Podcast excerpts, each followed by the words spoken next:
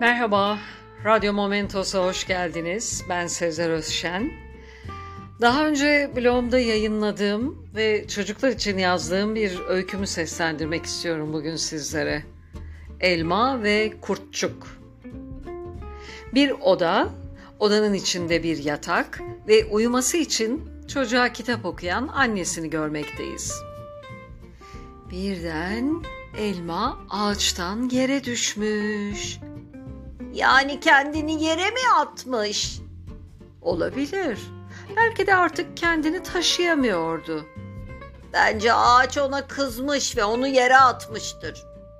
Hmm, bak bu da olabilir. Peki sence neden kızgındır ağaç ona?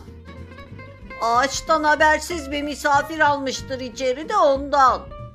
Aa, misafir mi? Kimmiş o? Minik bir kurt. Oo, bak sen. Yani bile bile mi almış içeri? Evet. Ama daha önce ağaç onu uyardıysa bunun için neden ısrarla alıyor? Korkmuyor mu? Korkuyor tabii ama o minik kurtçuk evden kaçmış. Babası sözünü dinlemiyor diye ona kızmış. Elma da onu misafir etmiş işte.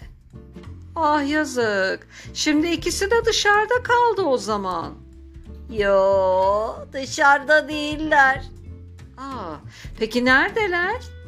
Çocuk karnını göstererek Ben onları buraya davet ettim. dedi gülerek.